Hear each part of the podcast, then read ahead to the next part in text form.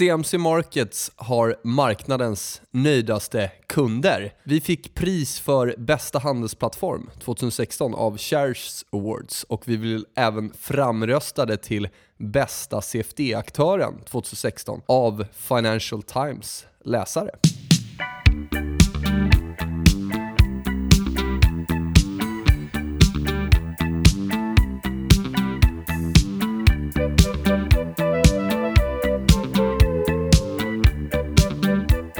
Var det dags för avsnitt 17 av CMC Markets finanspodcast Björnfällan. Eh, jag som pratar nu heter Kristoffer Berggren och min kollega som sitter bredvid mig heter... Nils Brobacke. Hej Nils. Hallå Kristoffer. Mår du bra? Jag, jag mår bra. Det är väl eh, sista avsnittet för året här va? Eh, ja, Ja. exakt. Och vi har med oss en gäst idag. Precis. Eh, vad heter du, herr gäst? Tack. Anders Elimi heter jag. En gammal... Eh, eller gammal och Tack. gammal. Det var taskigt. En, vi säger så här, en rutinerad aktieanalytiker som har gått över mer kanske mot eh, top-down makroanalys. Du jobbar fortfarande med aktieanalyser, men du kanske har ändrat lite perspektiv vad gäller att se på marknaden. Alltså det var någonstans över 2007-2008 som jag var ute. Jag körde Ericsson väldigt många år. Min karriär byggde egentligen på Nokia och Ericsson. Vi var väl först med att plocka upp Nokia i Sverige. Eh, och då var vi ute och snackade med institutioner och sen hade en graf i början som visade dollargrafen. Bara visa den för att den liksom påverkade Ericsson så mycket. Och väldigt, väldigt många möten så slutade med att vi bara stannade med den grafen. Mm. För att den var så viktig. Liksom för, för, så det var inte så att, ja men då snackade vi inte Ericsson, när vi snackade makropolitik överhuvudtaget och de stora rörelserna. Skulle du säga att allt började korrelera där? Ja, Ja. Väldigt, väldigt mycket korrelation. Eh, det kommer vi säkert tillbaka till, för nu plötsligt så bryts korrelationerna de sista veckorna. Men, men där någonstans började korrelera och då kan man se alltså samvariation mellan olika aktieslag och räntor och, och liknande. Och väldigt mycket på grund av datorhandeln. Men det gjorde på något sätt att förvaltarna hade missat det här under många år, det här med makron. Och liksom försökte fånga upp det på något sätt. För att det är ju ändå den som styr de stora rörelserna. Om man inte hänger med i de stora rörelserna spelar det ingen roll om man har rätt i Ericsson på kort sikt eller lång sikt. För att man, då missar man de stora pengarna. Och då började jag intressera mig mer och mer för makro. Och sen kom ju hela kraschen med Lehman och liknande. Så att det var ju, det, var, det bara underströk hur viktigt det var. Men när började du, om vi backar bandet lite, när började du i finansbranschen? Hur länge har du härjat runt här? Nej, men jag började som journalist 89-90 och började bevaka Ericsson på den tiden och de konkurrenterna som fanns. Sen kom jag in på något som heter Fisher Partners fondkommission 95. För då hade man en kille som satt där, hade 2-3 procent av Stockholmsbörsen genom sina händer. Han hade då London, stora Londonhusen som han hade. Så han behövde någon som kunde tala om är det bra eller dåligt liksom, med, med den här pressreleasen från Ericsson. Så det, det var väldigt, väldigt snabb analys. Marginalanalys kallade han det för. Så att på jag menar, 0, en minut skulle jag ju tala om liksom, om det var bra eller dåligt och då, då flyttade han kursen 2-3 procent. Liksom. Så det var kul. Mm. Men då hade du ändå, vad sa du, 0,1 sekund? Eller vad sa du? Nej, men det hade, säkert, Nej, men då han, ha- jag hade några minuter i alla Ja, fall. men du ser, det var- är ja, ja. ju, jämför med dagens läge, då, Det går inte att jämföra. då var det du som var högfrekvenshandlaren. Eller så var det. eh, och vad hände sen då, när du, eh, efter Fischer? Mm, Jag startade en del egna firmor och sen kom jag tillbaka till Fischer, fast då det heter Glittner, den isländska firman. Just det. Sen var jag med på när den small, vilket var intressant att se inifrån. Så jag har varit med om två stora smällar. Den ena var IT-kraschen då, 2000, som också var i industrin då faktiskt, i, i telekomindustrin. Och sen var jag med när, när Lehman small. Vad skulle du säga att du har dragit för slutsatser om de två händelserna? Att det är... eh, Ja, det, är en, det är en väldigt bra fråga. För att det, det som händer är att allting bara stannar. Det är en väldigt konstig känsla. Det är liksom sådär... det- att Titanic kör in i ett isberg och bara står still. Liksom. Ingen förstår någonting. Vad är det som händer? Och, och det som hände på, på Glittner var ju att den, den bank som vi hade som husbank drog våra likvider. Så att vi kunde liksom inte handla längre. Motpartsriskerna? Ja. ja. Vilket var väldigt konstigt, för det var, en, det var ingen isländsk bank utan det var en svensk bank. Liksom. Men det spelar ingen roll, utan de, de tog pengarna. Så att där, där, där förstår man att menar, det gäller att ha flera motparter. Det går inte ens att lita på de allra största. Liksom, utan det, när det väl smäller, då smäller det på riktigt. Och då gäller det att ha flera vänner.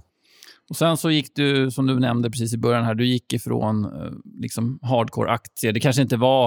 eh, Körde när du jobbade på Gliden till exempel, var det bara aktieanalys eller ägnade du också åt makrosidan på den tiden? Alltså det blev en del makroanalys, men vi gjorde väl ett stort misstag. Att vi, vi liksom, Vi använde ett stort, jättefint uh, uh, makrohus internationellt. Vi köpte dyra pengar för och sen litar vi på dem. För att på något sätt måste man, eller så ska man ha fler, en hel stab. Men, men det var lite grann så drev jag också igenom det, att jag skulle lita på dem. Och de var ju de som var mest bullish till uh, subprime, så de trodde att det där kommer att blåsa över grabbar. Det där är inget problem. Det är bra. Så vi fick ju jättefel där. Så att någonstans lärde jag mig nej, lita inte på andra. Alltså tänk själv. Våga göra analysen. Ja, måste göra analysen själv. Och, och kan du inte göra analysen, ja, men gör någonting annat då. Jag menar, ta ett annat papper som du kan göra analysen på. Men du måste göra analysen själv. Vad är det för... Är det något speciellt du tittar på på, på makrosidan för att... Ja, men alltså är det något speciellt? Är det BNP? Är det inköpschefsindex? Eller är det några ja, indikatorer? Vad, vad är det, känner du som är de viktigaste parametrarna att hålla koll på om man vill få ett grepp om den ekonomiska utvecklingen i olika länder? Den sista inspelningen du och jag gjorde eh, för, för, er- för då hade jag en liten graf som var väldigt intressant. För den visade vad korrelationer mellan, mellan olika tillgångslag och vad, hur börsen rörde sig. Och då kan man se att liksom på 70-talet och 80-talet då var BNP väldigt viktigt, alltså framåtblickande BNP. Men den, det försvann liksom, för sen kom, sen kom eh, eh, en, en cykel med, med skuld. Så då tittar man väldigt mycket på räntorna. Och sen kom en cykel med ITHs, så då tittar man på popaktier. Och sen kom det en skuldkris igen och sen, sen är vi tillbaka där igen. Så vi, det, det är väldigt mycket räntor just nu som jag tittar på. Och det jag egentligen vill komma åt är ju kapitalflödena i världen.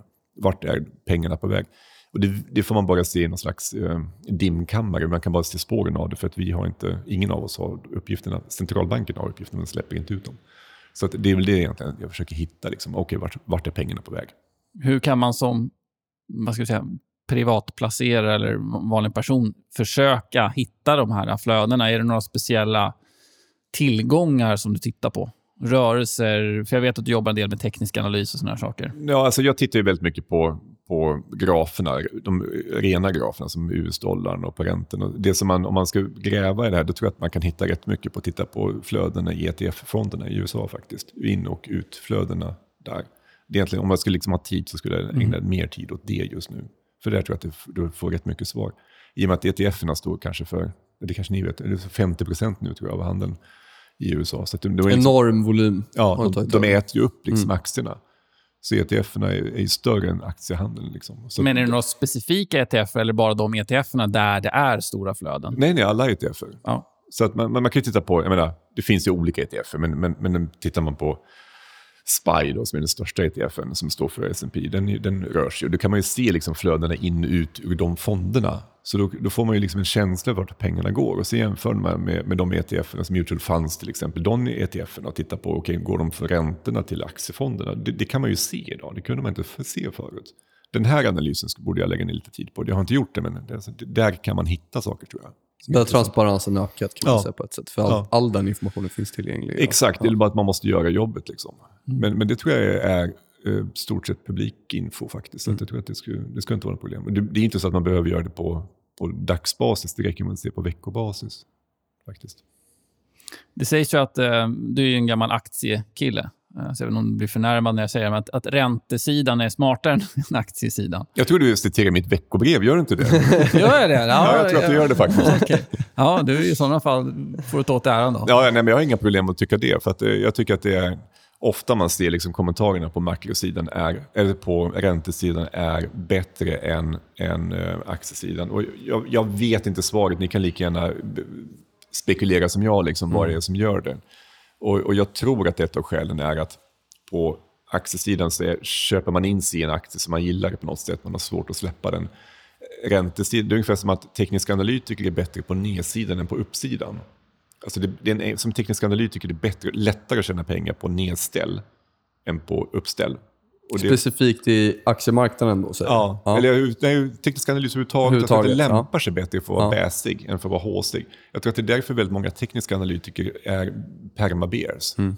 De bara ser att det liksom ska gå ner. Liksom. För att de, de, de är lättare att tjäna pengar. Det går fortare på nedsidan också, medan det går långsammare på uppsidan. Så det passar bättre för teknisk analys. Men jag tror att räntekillarna, de, de handlar ju egentligen på när, när bonds går upp, ja, det, det, det är så att säga när eh, länderna går dåligt. Så de, är liksom, de tänker tvärtom. Det finns en jätterolig bild på, är det från eh, någon av de här short-böckerna, jag glömt den heter, vilken av dem det är. Det är någon som handlar om, om på plan fyra sitter aktieanalytikerna och är jätte, de gråter blod liksom. Och så går man ner en våning så firar med champagne och det sitter obligationsfolket. För att det är liksom, det är motsatta världen. De ser totalt opposite mot vad vi gör. Och därför tror jag att de har lite bättre analysförmåga vi har. Man kanske har ett lite, lite mer holistiskt tänk, lite Ja. bredare tänk. Sen är det nästan bara proffs där. Det är nästan, nästan bara proffs som handlar på räntor. Det är få som är in och spelar i den marknaden Ja. om man inte är, som du säger, proffs eller Ja. institutionell. Ja. Så att det, det är liksom renare på det sättet. Men är det någon speciell ränta så som du är extra fan av att hålla koll på liksom för Ja. att förutse om det kommer en urblåsning i den här obligationen så kan det vara en anledning att hålla koll på lite aktier och sådana saker. Någon, någon där som du lägger extra Absolut. fokus Eh, på? Alltså, alla borde vakna och somna med, med, med junk bonds i USA. Junk bonds? Ja. Och den, den, den enklaste ETFen är JNK, är JANK, JNK, enkelt att komma ihåg. Eller HYG, som står för High Yield eh, någonting bonds. Mm. De, de två. För de är lite snabbare än, än börsen hela tiden. Och man kan se när de faller, ungefär som när Chesapeake föll, så väldigt mycket när, när alltså problemen med källgasen kom i USA, så gick de ner väldigt, väldigt fort. De här junkbondsen. Så att de, de föregriper väldigt ofta aktiemarknaden på det sättet. Så så länge som man ser att aktiemarknaden trendar uppåt och de också trendar uppåt, då kan man köpa nedställ. Men om de börjar falla kraftigt, då ska man verkligen vara, vara, vara försiktig. Vi har haft en nästan 30-årig eh, bullmarknad i bonds. Vad eh, händer nu? Är den slut? Alltså, jag tänkte just lägga till en kommentar. Nu är det rätt intressant att nu går räntan upp och junkbonds går också upp. Ja. Det, så det är ju liksom en, en bekräftelse på att ja, men nu är det, det är liksom bra. Egentligen så vill vi ju se. Det är det som är så konstigt. Ni är inte riktigt jätteunga, men ni är nästan så unga så ni har glömt hur det var på den tiden man gjorde riktig analys. Det här är ju nya verkligheten. Det är nya, nya verkligheten. är vi tillbaka till den gamla vi, nu ska vi verkligheten? kanske tillbaka till den gamla verkligheten. Det är jättejobbigt för alla människor som nu har vant sig i 15 år på att hela tiden få massa doping och liknande. Och nu ska vi plötsligt tillbaka och titta på fundamental analys så att bolagen själva utan stöd från staterna ska kunna tjäna pengar och kunna särskilja. Det är ett jätte, jättetrendskifte som kanske händer just nu. Och 30 års, vi ska backa bandet då, vad är det som hände? Vi fick en väldig inflation efter oljepris, alltså oljekrisen 74. Eh, och sen lyckades Paul Volcker som då var Fed-chef blåsa bort det här tillsammans med Ronald Reagan så lyckas man förändra ekonomin nu. Så man jättestora skattesänkningar samtidigt som man höjde räntorna för att få bort inflationen. Och det är den som vi fortfarande lever på, den nedgången, den, den du syftar på som har gått i 30 år. Liksom. Det är en fantastisk nedgång. Så långt så att den är lite med ni, mi, till blivit minusränta. Så att säga. Och det är inte konstigt att man borde kanske en teknisk rekyl på det där. Och så, Okej, vad är en teknisk rekyl på den? Ja, vi började på 16 procent. En teknisk rekyl, det är typ 30 procent uppgång, minst till 50 procents uppgång av nedgången. Då skulle vi betala 8 procent i ränta snart. Om vi skulle se slutet på den 30-åriga fallet. 8 procent, vi klarar inte det. Alltså, det här ekonomin klarar inte 8 procents ränta. Ja, det blir många vakanser ute i Ja, alltså, stan här. skämtar du? Det kommer, att vara, det kommer att vara slakt. Men vi kommer ju få problem med, allt. Vi kommer att få problem, problem, bolagen kommer att få problem. Vi kommer att få problem med massa människor som inte har råd med sina, sina räntebetalningar. Så folk kommer att flytta. Folk kommer att hamna i skuldfällor och sådär. Så det kommer inte att ske. Alltså, centralbankerna och de måste gå in och göra enorma stödköp istället. Så att jag, jag har svårt att se det. Men tittar man bara på grafen, ja det är 8 ränta. Mm, det är ett intressant resonemang. Vissa menar ju på, framförallt eh, ganska stora makrospelare menar ju på att marknaden vinner även över de här politiska besluten. Eh, trots det så, så, eh, så menar du på att det skulle vara politiskt omöjligt att, att höja eh, räntan. Ja, alltså vi kan ju inte gå från, från minusränta till 8% Nej. Det går inte. Så, så någonting smäller ju då. Och då, då vet inte jag vad som händer. För när det smäller så det är då kaos kommer in. Och vi, det kan bli vad som helst. Alltså. Vi, vi kan få världskrig, vi kan få... Det går liksom inte att förutsäga. Ehm, utan, utan om man tänker sig någon slags ordnad form då. Det jag kan tänka mig, det positiva scenariot, det är faktiskt att Trump gör någonting som, som eh, Roosevelt och som, som eh, Reagan lyckades med, nämligen att få fart på ekonomin. Och då, då kommer de att, de skuldsatte, då fanns det ingen skuldsättning nästan för, för USA. Men nu finns det ju enorm skuldsättning. Men okej, han skuldsätter och marknaden köper det. Nu är det så att Fed äger nästan bondmarknaden så att det, det är inget jätteproblem att, att trycka ut nya bonds så att det är ändå Fed som köper dem. Så då kan man hålla liksom, räntan nere på det sättet. Men det är ju ett vågspel vi spelar. Mm. Men det, det, är den positiva delen. Ja, då kan vi få fart på världsekonomin. Vi kan få två, tre år till av, av tillväxt med nytt regim så att säga. Men då måste Trump komma överens med Yellen, alltså Fed-chefen Yellen. Och jag vet inte hur det ska gå till, men de, de, kan de lyckas komma överens, då, då kan vi fortsätta. Men tror du att, du pratar om att man kan fortsätta skuldsätta sig två, tre år till. Absolut, det kan man ja. men någon gång eh, ska vi behöva hålla räntorna så här låga för att det finns inga länder som kan hantera... Alltså länder, vi pratar inte hushållens ekonomi kan hantera höga räntor, vi pratar länder. Eh, så hur, ska man, hur ska man komma ur den här? Det känns som en negativ spiral. Alltså man, man skuldsätter sig för att få igång tillväxten, men man kan inte få upp räntorna när man får tillväxt för att man har för höga skulder. Och så, alltså det blir ju det blir svårt att komma ut. Ja, ja absolut. Men det, det är ju liksom, menar, hur länge kan vi leva med, med klimathotet utan att göra någonting? Ja, uppenbarligen kan vi leva i 30 år utan att vi gör någonting. 2050 var all fisk död, var det så? Okay. Ja, då är jobbigt. Ja. ja. Nej, nej, det är jättesvårt. Det finns väl inget bra svar på det. Men det är ju... Nej, alltså det, det som felet för oss är att vi ska försöka handla aktier i, på daglig basis och sen har vi ett hot som hänger över oss som kanske spelar in. Det enda man kan säga är att ja, men ligger likvida tillgångar då? Så du mm. åtminstone kan sälja när du får din säljsignal, så du kommer ur. Liksom. Du kanske inte ska ha allting i, i papper, utan du kanske ska ha lite guld någonstans, fysiskt. Och så vidare. Så att man liksom är beredd på att det finns en nödutgång någonstans. Inte guld som i liksom en ETF Nej. eller en fond, utan en tacka. En tacka, eller flera. Du kanske, du kanske kan ge din fru lite guldringar till jul eller något sånt där. Nu lyssnar inte hon på det, så det är riskfritt att Nej, säga. Nej, hon lyssnade faktiskt på sena avsnittet. Hon tyckte det var, tyckte det var bra att promota det till sina vänner, så det var ju roligt. Men eh, ja, vi får väl se. Eh, varför inte, om vi ska kalla det digitalt guld, varför ska man ha en tacka? Därför att vi såg eh, på jag tror 20 eller 30-talet så konfiskerade USA guld. Man fick inte handla guld. Alltså det, det... Vi kommer tillbaka till det här motpartsrisken. Att, ja. ja. Och, den, vi, vi vet vi vet att, att ETF-erna inte... Alltså du har inte underlag för alla optioner som är utställda. Nej, det, nej, finns det finns inte fysisk leverans på de här optionerna. Och vad händer då? Jo, den som säljer först kan, kan få ut pengarna. Men, men sen vet du inte nästa... Alltså det mm. finns tomma hål där ute bland många ETF tror jag. Vad är guld då? Är det en råvara? Är det en valuta? Är det en bubbla? Guld är vad du vill. Alltså nu råkar jag ha läst filosofi i fem år, så ja. liksom, för mig är det sådär, ja du kan kalla det för det. Självklart. Ja. Eh, och sen ska du, menar, handlar det som en valuta så ska du handla som en valuta. Handlar det som en råvara så ska du se det som en råvara. Det är ju en, någonting mittemellan. Men hur skulle du se på det om du, om du förtydligar där? Om du handlar det som en valuta, hur ska man se på det, hur ska man se på det då, då? I relation till om man handlar det som en råvara?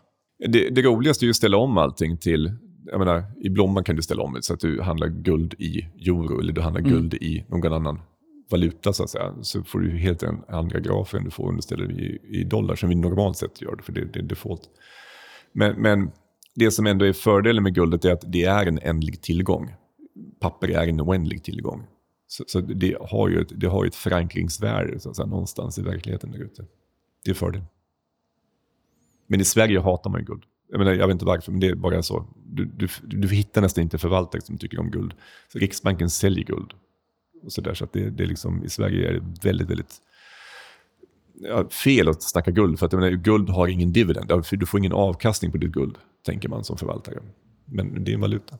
Men tycker du man ska se det som en, som en del av en långsiktig portfölj, alltså som en allokering, eller ska man ha det som kortsiktiga spekulationer? Hur ser du på guld som liksom? Ja, men jag tycker man kan handla guldet. Alltså, du, tänk så här, du ska ligga lång guld, lång över tiden. Titta på grafen, när ska du handla? Vi tittade på grafen innan här, du var rätt bearish till, till guldet. Mm. Men du sa 1000 till 1100 mm. eller sånt där. Går det ner dit, köp. Mm.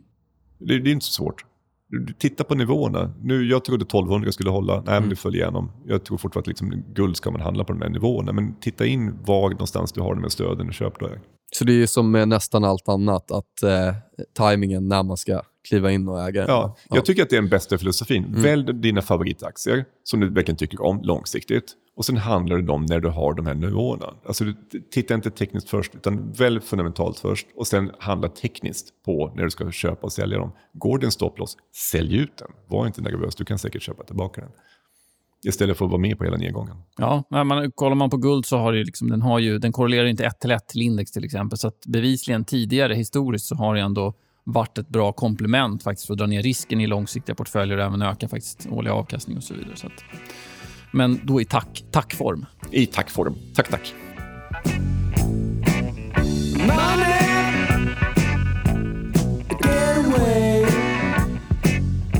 Är det några specifika inputs eller indikatorer du kikar på för att definiera risk-on, risk-off? Alltså den, den, klassiska det är ju schweizerfrancen, japanska yen. Den, den snabbaste tycker jag det är väl ändå att titta på japanska yen mm. jämfört med den australiensiska dollarn. För då får du två totalt, eller du kan ju ta Kanada Alltså den crossen, Aussie-dollar ja. mot yen. Ja, för den, den är verkligen kvicksilversnabb, så den, den går ju före alla andra tycker jag. Men då, titta på den på intradag liksom, så, så ser du att den rör sig nästan alltid fortare. Så menar, blir det en risk on då, att det liksom blir, blir nervösa, ja då köper man japanska yen och säljer australienska dollar och så vice versa. Så, så den, den, är väl den som är snabbast. Den som jag tycker har blivit väldigt jobbig de sista åren är ju kopparn. Mm. Som jag annars har tyckt väldigt, väldigt mycket om. Mm. Alltså, men gud vad den är svår. Den har ju tappat väldigt mycket. Ja. Uh, den har tappat prognosvärde, eller hur? Ja, alltså den, förut så var det ju en av de absolut mest använda indikatorerna mm. för risk ja. Men det har ju inte gällt Nej. de senaste åren Nej. överhuvudtaget. Och jag tror i och för sig att det har med Kina att göra. Att de har haft Många mycket... menar ju på ja. att det har med det att göra. Ja. Så att jag tror att de har haft för mycket koppar i lager helt enkelt. Och sen har de, har de tryckt ut det i marknaden. Men nu är det en jätteribon på hela koppar, zink, saker som inte hänger med väl kanske palladium och platinum och sådana saker. Det är där man ska leta. Man ska hitta saker som inte hängt med liksom, i, i, koppar, alltså i den här råvaruvågen. Just det. Hur ser du på VIX? Alltså, jag tycker VIX har spelat ut sin roll. Mm. Eh, Laggar den mer skulle du säga idag? Eller handlar man underliggande volatilitet? Är det... Det känns som att väldigt många handlar den produkten idag kontra att man kanske tittade på den mer förut. Ja, det kan vara så. Jag tycker att den är distorderad. Jag vet inte hur jag ska förklara det. Men, men jag tycker att prognosvärdet i VIXen är borta. Eh, och så skon är i så fall det man ska titta på. Mm. Eh, det är väldigt lustigt, jag introducerade VIX i, i massmedia i det här landet. Så det blev liksom sådär, var första som skrev. När var det här då? Ja, var det 2006? Okay. 5, 2005? Sådär. Började skriva mig på nyhetsbyrån direkt. Det är jättemycket problem att få ja. ut den. Liksom. Så det, var, då, då, ja, det var kul. Liksom. Ja. Men, men nu är det liksom, men då, då var det verkligen, du följde du då, då var det verkligen någonting man kunde handla, titta på, handla marknaden utifrån. Mm. Men det, det, kan man inte idag. Jag tycker man det blir väl så om alla Alltså fler och fler och fler och fler och fler börjar följa det, så till slut så spelar det lite ut sin rätt kanske. Ja. Sen roll. tror jag faktiskt att man, eftersom den är så liten, så tror jag att man appellerar den. Alltså kör man vixen åt ett håll så mm. kan man flytta hela marknaden. Så, så, det finns, jag tror att man kan göra den, mm. den traden om man är riktigt stor på Goldman eller sånt där. Då, då kan man köra hela marknaden. Så det gör att det blir också distorderat. Liksom. Vi pratade också... om det faktiskt i, var det föregående, nej, två avsnitt sen. Två avsnitt sen, ja. Just hur stora rörelser i vixen, även med de här ganska små rasen som kom i, ehm, eh, var det förra året va? Jag kommer inte ihåg hur det var, augusti men det var någon, någon rörelse. Ja, men det är precis augusti förra året som gjorde att det var några ETF som innehöll, som låg kort volatilitet, tappade en fjärdedel av sitt värde på. VIX gick väl, ja, men jag kommer inte ihåg hur mycket den gick. Det gick inte tokkraftigt, den spikade uppåt, men de tappade en fjärdedel av sitt värde på den rörelsen. Sen kom de tillbaka för VIX kom ner. Mm. Uh, men det visar ju också... Det kanske har med det att göra med VIXen, att det är så mycket... Nu finns det ju massvis med ETF. Den är väldigt crowded, det går in mycket pengar från de här olika typerna av ETF och certifikaten. Och... Ja, sen, alltså, vad är VIX för någonting? Jo, det är inte, den ska egentligen spegla intradags volatilitet. Underliggande volatilitet. 30 dagar. Ja. Mm. Det det är inte mer än så. Nej. Det är inte 60 dagar, 120 dagar, världens ekonomi, Trump. Det är inte Nej. som folk tror, så att säga, utan det är bara intradagsrörelser. Om man tror att börsen bara ska röra sig 0,5, ja då ska inte VIX upp till mer än vad blir det, 15 eller sånt där. Så det är en kortsiktig volatilitetstrade? Ja, ja, det är inte mer än så. Men vi handlar ju väldigt, väldigt små rörelser på börsen. Så att det, det, VIXen ska inte vara så himla hög. Så därför har, den spelat ut sin roll. Har du något annat? Du pratade om skew där. Ja. Uh, har du någon annan sådär som du kollar på som är lite mer greppbar för oss dödliga personer? Nej, men jag tycker att den är, det som jag var faktiskt inne på förut, Jankbond, är mycket ja. bättre. För det, det, får du liksom en känsla för risken på ett annat sätt. Och sen den som snackade om förut, då, japanska yen, och dollar Det räcker liksom. Sen, sen funkade VIXen ett tag. Men det funkar inte nu, så du får hitta någonting annat. Men du kan inte handla den på samma sätt. Som Och det är samma som med alla, alla korrelationer, att de kan funka utmärkt och sen slutar de att funka och då är det bara att göra sig bekväm med. Exakt, och det är det man måste liksom inse. Och det är liksom det som är absolut... Du har ju jobbat som trader, så du vet det. Du vet att en dag funkar det inte längre, men sluta med att göra någonting annat. Liksom. Ta semester en vecka, kom tillbaka med, med ren hjärna, börja om. För det, det måste man göra ibland. Det svåra är väl just, okej, när har det slutat fungera och när När det gör ont i fungerar det inte plånboken till- för mycket. Ja, Liksom. precis. Du märker det i din Ja. PNL. Det blir inga guldtackor eller vad det nu var. Det blir andra, andra tackor. Ja. Om du eh, blickar tillbaka så som det var när du började kika på makro, kanske innan den perioden också, och jämför med hur det ser ut idag. Har makrotrenderna förändrats? Eh, vi pratade om det här med korrelationen, att allt har blivit mer korrelerat med varandra. Men kan du se några tydliga exempel på trender som har förändrats från Alltså den här diskrepansen mellan min, min, alltså min upplevda risk eh, vad gäller Frankrike och Italien speglar sig inte på något sätt i något instrument jag ser i marknaden. Alltså jag, jag tror verkligen att de länderna ser riktigt bedrövliga ut. Men det syns ju inte någonstans. Räntan är jättelåg. Och valutan är de ju fångade genom euron. Och den, det har jag liksom inte upplevt förut, att det var så enorma luftbubblor i systemen som, som det finns in, in, inbyggt i Europa idag. Varför tycker du de ser bedrövliga ut? Skuldsättning, dålig tillväxt eller vad är det som finns gör att alltså, liksom... menar, Ital- Italien skulle behöva en devalvering på 10-20% för att överhuvudtaget komma loss. Liksom. Mm. För, för det är ungefär så illa det ser ut i det landet vad gäller tillväxt. De har ingen tillväxt. Det finns liksom ingen BNP-tillväxt i det landet. Och, utan det finns en massa skulder bara som växer. Mm. Och det finns ingen regering som funkar. Alltså det, det finns italienska banker som behöver gå omkull och re- rensa ur systemet. Det finns en jättestor svart ekonomi och liknande. Så det behöver ju på något sätt komma till, till ordning. Men då finns inte valutan längre som instrument. Som på samma sätt som Tyskland gynnas av att vara med i ett eurosamarbete så missgynnas ju Italien kraftigt. Exakt, för det, det är Tysklands gynnas, precis som du säger, att euron är... Alltså, de behöver egentligen en starkare D-mark. Men de har en, en lägre prisad euro nu, så de kan exportera och kan fortsätta tjäna pengar. Och på samma sätt skulle Italien behöva en, en, en mycket lägre värderad lira. Men, men de har inte det längre. Så, så det är ju ett inneboende systemfel som jag, som jag någonstans måste rättas till. Liksom. Men, men jag vet inte när det smäller. Det kommer att smälla. Det, Tio, ja, tio år trodde eh, Stanley Druckenmiller här att eurosamarbetet skulle vara det är ju lång slut. tid. Klarar vi, oss, klarar vi oss det? Alltså jag tror att väldigt mycket hänger på Draghi som person.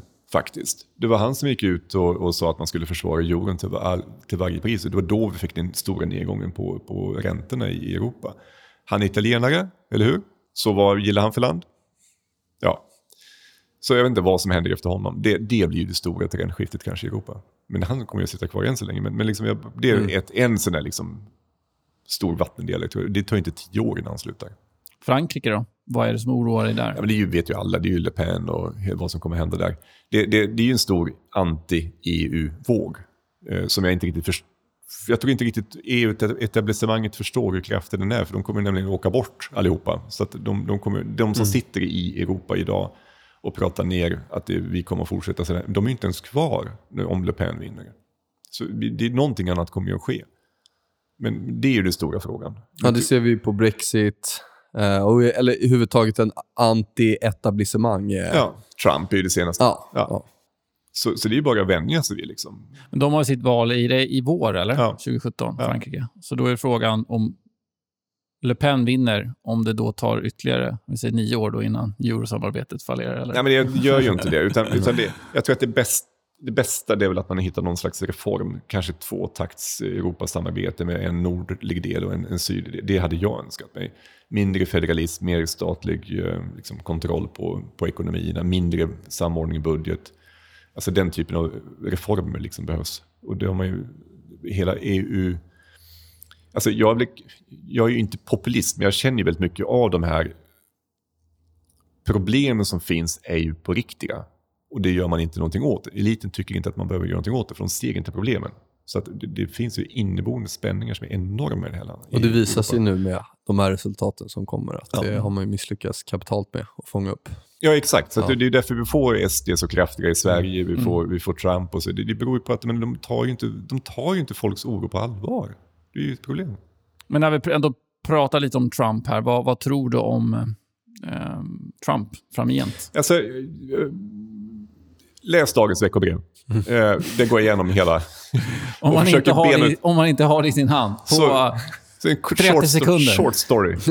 Nej, men jag försöker hitta liksom, vad är Trumps ekonomiska politik. Eh, och, och den är då att eh, man ska försöka trycka ut pengar på nya sätt för att få infrastrukturinvesteringar. Det betyder skattesänkningar, privata initiativ, bygga motorvägar och liknande. Och, och det där kommer nog att, att få fart. Det är precis samma sak som på 30-talet i Tyskland.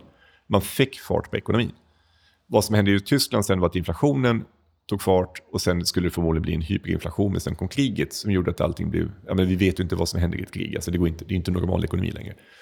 40 eller 50 procent av ekonomin blir ju militärindustri, liksom, så att det, går, det, det, försvinner ju liksom normaliteten.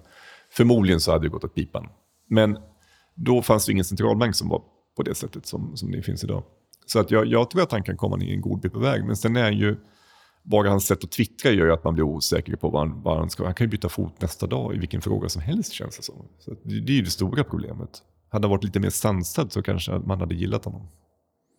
Ja, mycket mer sansad hade marknaden gillar honom än så länge. Absolut, men det finns ju skäl för det. Så att det, det, det tycker jag var lite...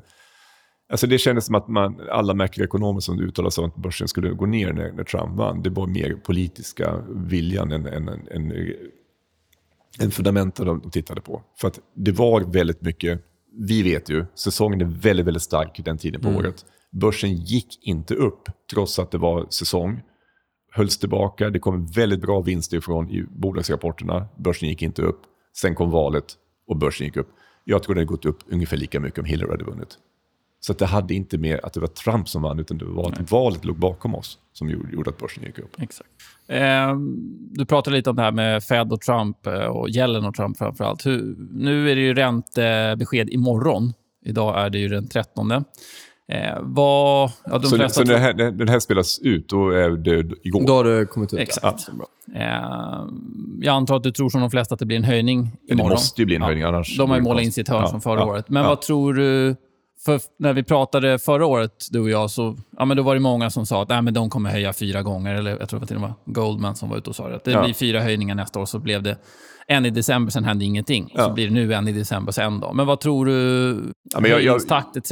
Hur kommer det se ut under 2017 tror du? Nej, men jag, jag, så förra året så var jag nog... Jag för mig att jag sa att det var liksom idiotiskt av dem att höja, men att de var tvungna att höja. Mm. I år är det inte lika idiotiskt av dem att höja, men det är nästan dumt.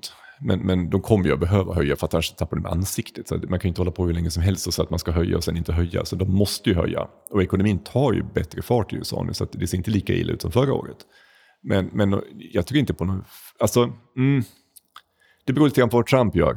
Hon måste parera honom. Alltså, vi har gått ifrån ett läge på något sätt ifrån att centralbanken har styrt till att det nu blir finanspolitiken som styr. Så nu måste centralbanken ta ett steg tillbaka och titta på vad finanspolitikerna gör.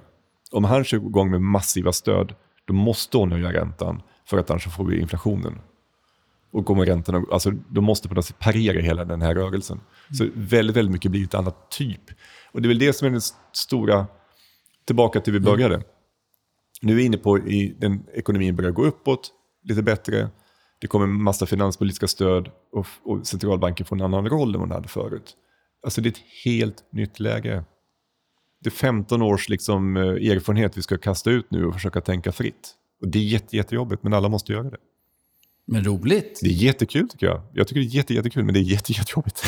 Vad tror du kommer gynnas då? Är det klassisk stockpicking? Är det klassisk portföljdiversifiering? Min, som vi pratade om här, min, min eh, upplevelse av diversifiering det är att eh, jag vill diversifiera på tid och inte mellan tillgångsslag. För att det, det har inte funkat under den perioden jag har varit aktiv i marknaden. Men är det, är det liksom den gången tillbaka mot att saker och ting, man kan bygga klassisk portföljdiversifiering? Är det, vad, är vad är det som du ser som du tror kommer vara Alltså det, det, vi- det vi tittade på när jag började, om vi bara försöker komma tillbaka, vad gjorde jag när jag började som aktieanalytiker? För då hade vi lite mer normal ekonomi. Mm.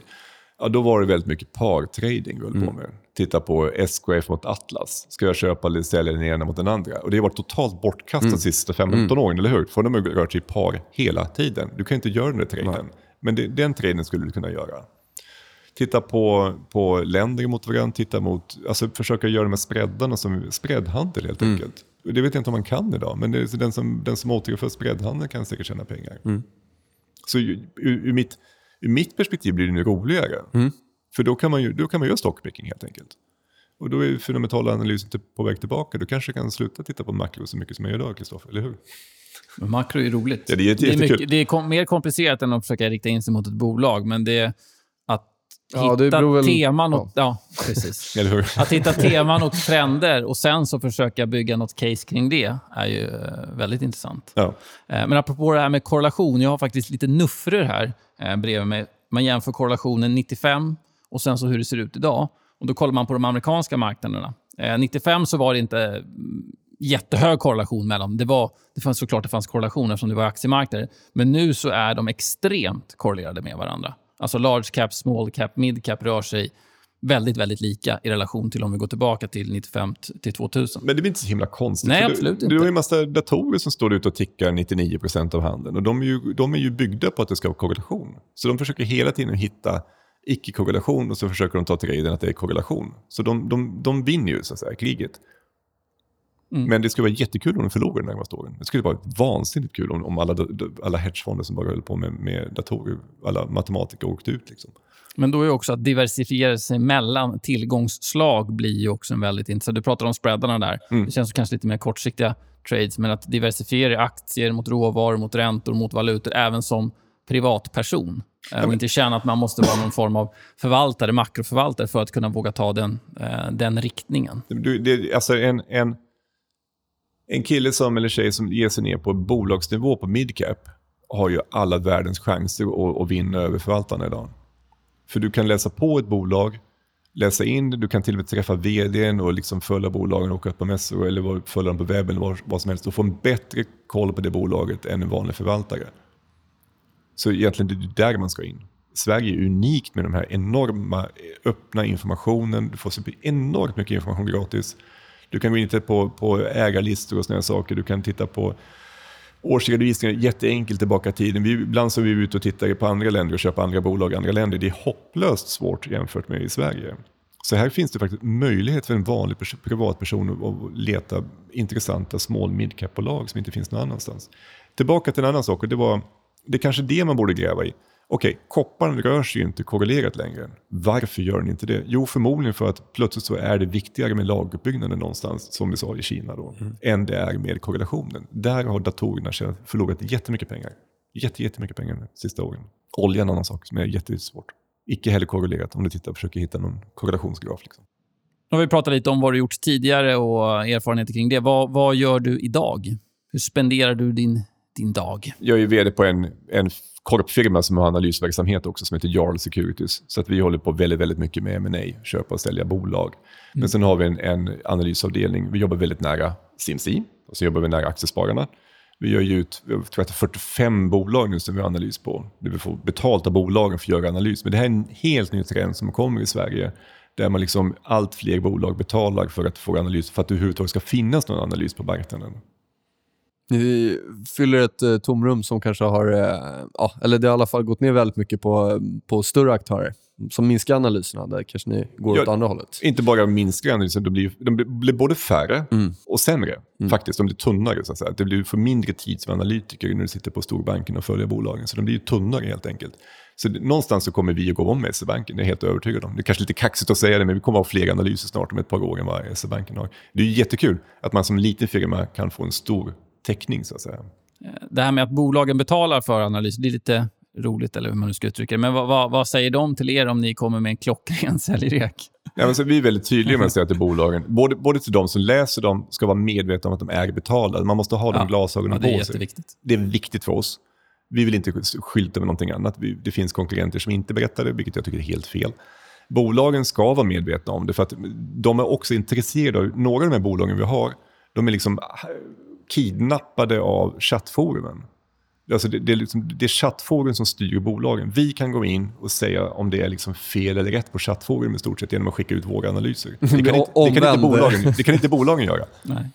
Så att men liksom, det, det blir så att jag menar, i det fallet när du liksom bara får en sen- sen i något bolag så skulle vi kunna gå ut och säga att nej, men, det här stämmer liksom inte. De har inte fått den här orden. Den här orden är inte sannolikt. Den här orden liksom, ja den kanske kommer men den ligger lilla, flera månader bort. Liksom, eller den är inte värd så här mycket. Så vi har, kan, vi, alltså vårt syfte är att lite grann vara korrigerande faktor. Ja, det var en väldigt spännande eh, diskussion. Många intressanta ämnen som kom upp där. Stort tack, Anders, för att du tog dig tid att eh, konversera lite med mig och Nils. Stort tack och hoppas få komma tillbaka senare. Tack. Ja, tveka inte att höra av er till oss också om ni vill ha eh, den längre veckoanalysen där, för er, er som inte har sett den. Precis. De är faktiskt riktigt bra, måste jag säga. Mycket bra.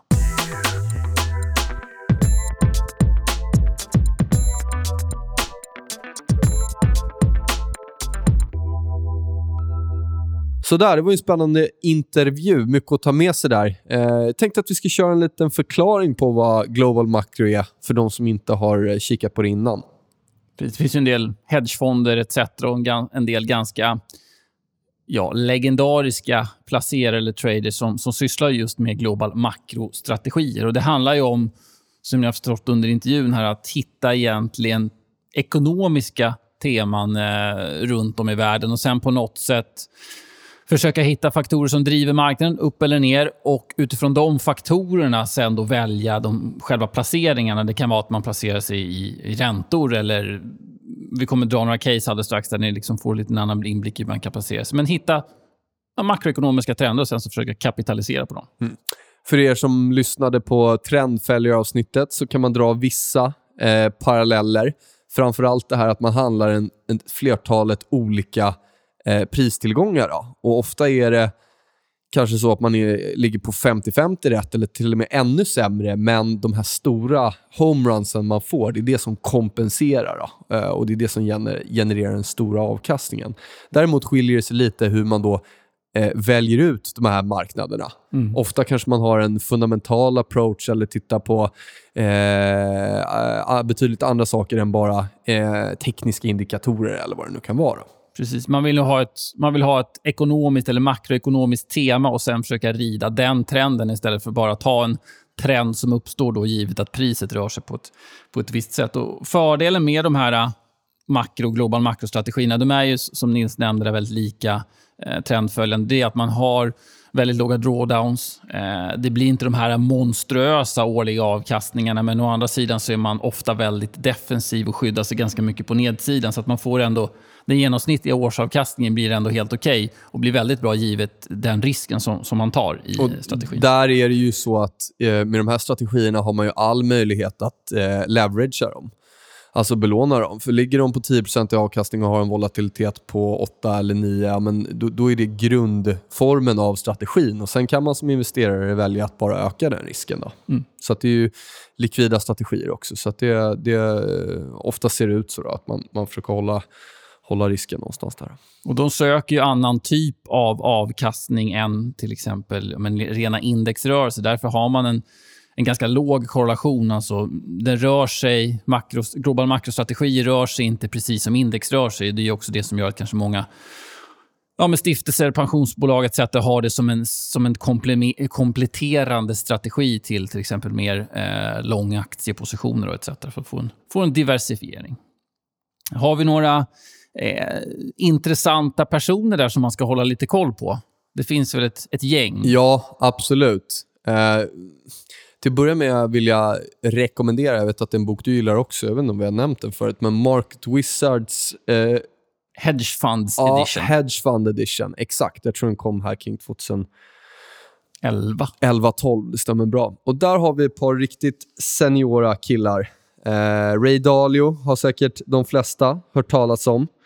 Uh, vi pratar med Stanley Druckenmiller. Nej, han, Nej, de är ju intervjuade i många av de här, Soros, tror jag, han kanske inte fick tala, men mm. Paul Tudor Jones och så vidare, ja. Druckenmiller, de intervjuade i de tidigare. Ja, så är det. Uh, Dalio fick han vänta med ett tag, även ja. fast han har varit igång sen, sen länge. Uh, Kom och Shea, eh, riktigt intressant första avsnittet där, Scott Ramsey, och de har lite olika approach mm. eh, till Global Macro. Mm. Vi kan nämna intressant just det här med idag så, så ser man ganska ofta citat från de här stora. Till exempel ja, men Druckenmiller var uttalade sig här, hur, jag vet inte hur länge sedan det var. Jag var det sex var månader sedan? Ja, våras någon gång om att han var tok lång i guld. Ja, han var, ja, exakt. Han var super, super lång. Och eh, Då är det alltid svårt att veta dels vilken tidshorisont han har på den traden och framför allt också det som är otroligt viktigt för Global Macro eh, om ett scenario ändras så måste man kunna byta fot helt. Ja. Alltså till och med helt byta riktning. Så att, eh, han, han gjorde ju en väldigt bra trade där. Det blev bra avkastning. Eh, dock så sålde han hela den positionen, tror jag, dagen efter valet. va? Precis. När Trump vann så ändrades ju hans eh, makrotake på att guld skulle fortsätta upp. Och vad var det han gjorde då? Han, då Han kortar nu, nu är han kort räntor. Precis. Istället för att om Hillary hade vunnit eh, och han tror på fortsatt uppgång i guldet så tror han snarare nu på en, eh, lite det som Anders var inne på också då. Ehm, så att räntor bör börja stiga då. Så att han har kortat, han har kortat eh, bonds, bunds, italienska bonds också då. Återigen, där får man vara försiktig. Vi vet inte vilken tidshorisont som eh, man sitter och kollar på här. Nej. Så det ska vi ha med oss i alla de här uttalanden, även om det här är otroligt seniora och duktiga förvaltare. Och varför man tar positionen. Det var ju förmodligen många som visste, det började skrivas om det när det väl kom ut, att han hade börjat stänga sina positioner, men det var ingen som visste att han gjorde det på, på natten till valet. där. Och Sen så vände han helt på foten och sa okej, nu, nu kommer eh, Trump dunka på, och det kommer bli infrastruktur, det kommer bli tillväxt och så vidare. Okej, men då måste jag gå mot obligationssidan istället för guld.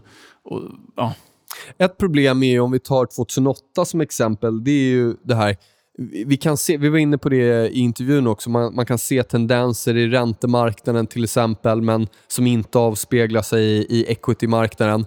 Det var många som eh, torskade pengar och blanka index 99 och så vidare. Och så vidare. Det finns ju de här eh, racen som man börjar se indikationer på någonting men att det, eh, det inte spelar ut och det går inte att implementera traden som man har tänkt när i efterhand så ser det ju ofta, när man kollar i just bubbelscenarion eller när det kommer väldigt kraftiga nedgångar så ser det enkelt ut att liksom, man, blankar utifrån ett långt medelvärde eller liknande. Men då är frågan, okej, när bryter det ner? Sen så har man ju ofta i stora, stora nedgångar så finns det ju riktigt kraftiga rekyler på uppsidan som man ofta då åker ut på. Det är jättesvårt att korta en, en kraftig eh, bear market, som du säger, på de här snabba uppställen. Då. Så där var ju eh, ett sätt är att försöka hitta en annan exponering där. Eh, Och Det vet jag att Commercia hade några exempel på där. Som man... Precis. Det, det intressanta med honom var att många tänkte ju att ja, men Bear Stearns-kollapsen, det var där som liksom, finanskrisen började. Men det han liksom såg och... Och såg många i- andra i räntemarknaden också, Precis, ska sägas. precis. Det var väl equity som tyckte att det började i, Ja, Bear Stearns. Men räntetraders de tyckte att det började mm, ja, ett år innan i alla fall. Va? Precis. Och det han höll koll på var Liborräntan, eller det han såg i, i Liborräntan, den, bankerna som, eller den räntan som bankerna lånade mellan varandra, var att den spikade. Den drog med sig TED-spreaden, som det så fint heter, vilket då är ja, men i princip Libor gentemot, eh, jag tror att det är, är det T-notesen eh, i USA, eller om det är T-bilsen.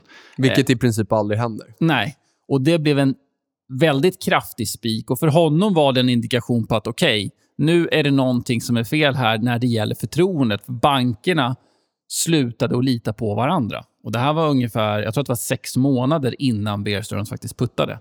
Så att eh, bara en take på att hålla koll också på ränterörelserna och att det finns väldigt mycket information som kan komma den vägen. Och det är inte alltid givet hur vi ska få en exponering mot någonting som vi tror kommer att hända. Då. Nej.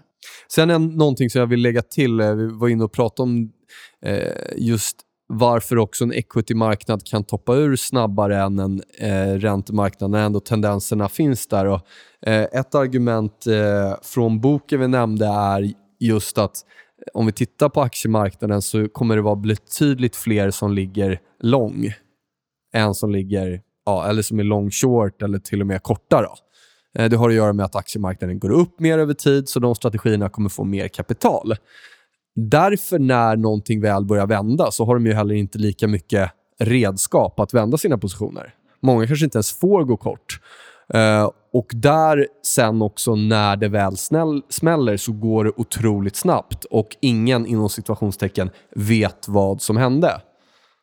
Ehm, så att det, det, det kan ju vara en anledning till att en, en eh, i det resonemanget vi pratade om innan, här, att en, en, en bullmarknad och framförallt en bulltrend toppar ur och ser lite annorlunda ut än kanske hur en trend toppar ur i valuta eller i ränta. Då. tänkte bara ska nämna också hur han gjorde för att kapitalisera på det han vad ska vi säga, såg där när TED-spreaden drog iväg och, och Libor-räntan eh, drog. Det var att vi pratade om det här med att det är svårt att korta en, en, en väldigt kraftig bullmarknad. Det, det, det ska mycket till för att pricka rätt. Alltså det han gjorde var att, okej, okay, om det nu är så om jag, tror, om jag har rätt här och att det kommer liksom braka åt fanders på nedsidan, hur kan jag skapa avkastning på det sättet utan att blanka aktiemarknaden? Det han gjorde då var att han tittade på eh, företagskrediter. Han har en negativ, negativ syn på det, då, givet såklart att kraschar där så kommer det, den marknaden drabbas. Eh, han kollar på kreditspreadarna, de var väldigt låga. Då vände han sig mot CDS, alltså en försäkring mot kan man säga, att bolaget går i konken. Och eftersom kreditspreadarna är väldigt låga, det var inte oroligt på marknaden, så var de här på låga nivåer, vilket innebär att de var billiga att köpa in. Skulle det visa sig att han har fel, det vill säga att marknaden fortsätter trenda upp, ja, men då kommer ju inte de här äh, tokrasa, utan de kommer ju fortsätta röra sig ungefär på samma sätt som gjorde tidigare. Visst, han kommer göra förlust på positionen, men edgen här låg ju i att får vi en väldigt kraftig rörelse på nedsidan så kommer det också bli en extremt kraftig rörelse i CDS, vilket det också blev. och Därigenom kapitaliserade han då på på tron att vi kommer få en kraftig nedgång istället för att blanka index som, som många kanske tänker som det naturliga eh, taken att ta. Då. När man pratar global makro så måste man också prata Ray Dalio med deras, eh, nu kommer jag inte ihåg vad den heter, Pure Alpha någonting, ja, Bridgewater, världens största hedgefond. Eh, som har levererat fantastisk avkastning. Jag tror att de har startat 95 med den fonden, haft två negativa år. Eh, det får man väl ändå anse hyfsat stabilt. Det är okej. Okay. Det är okej, okay, precis. Eh, hans, han är en väldigt intressant person, men det han letar efter när han tar sina positioner eller bygger upp sin strategi kring, det är att hitta sånt som är extremt alltså okorrelerat. Och på det sättet han gör det, det är att han försöker hitta, jag tror att det är runt 15 olika makroekonomiska teman. Utan han väljer inte tillgångar som historiskt sett har haft nej, eh, en liten korrelation med varandra. du kan ta tusen aktier, liksom, för de kommer samkorrelera oavsett Precis. vilka aktier så du, du kan liksom inte diversifiera bort risken genom att öka med väldigt många aktier.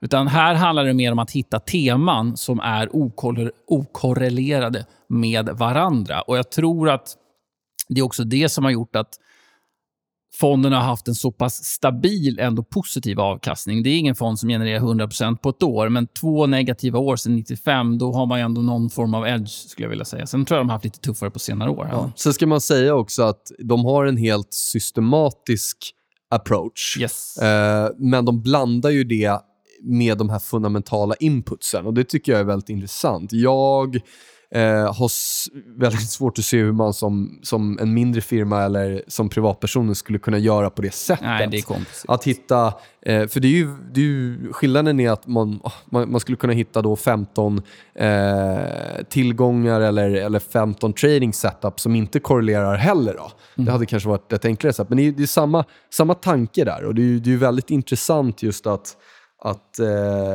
det levereras så bra avkastning när metoden ändå skiljer sig ganska mycket mot, mot vad man är van vid.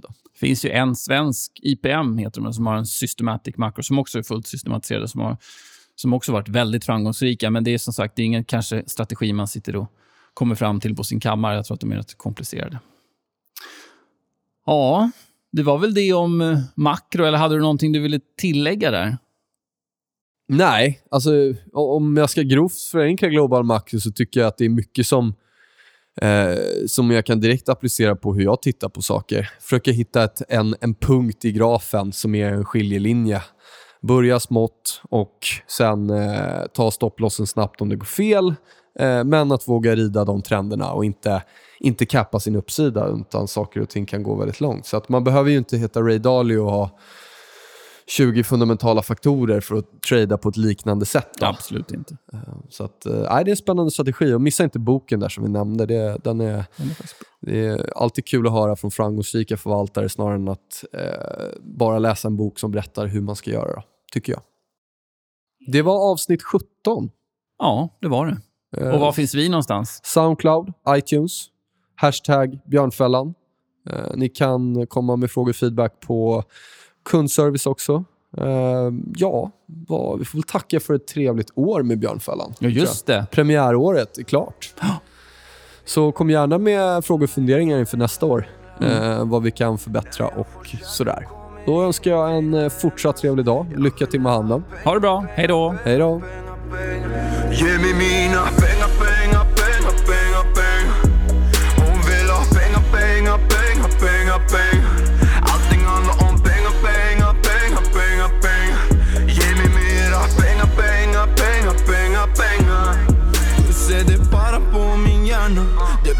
överallt. Jag jagar det konstant för att hamna i balans. Det svepte som en våg med alla materiella tingen. Måste uppgradera allt Från telefonen till bilen. Jo det regnar, regnar, regnar, regnar, regn. Vi är inga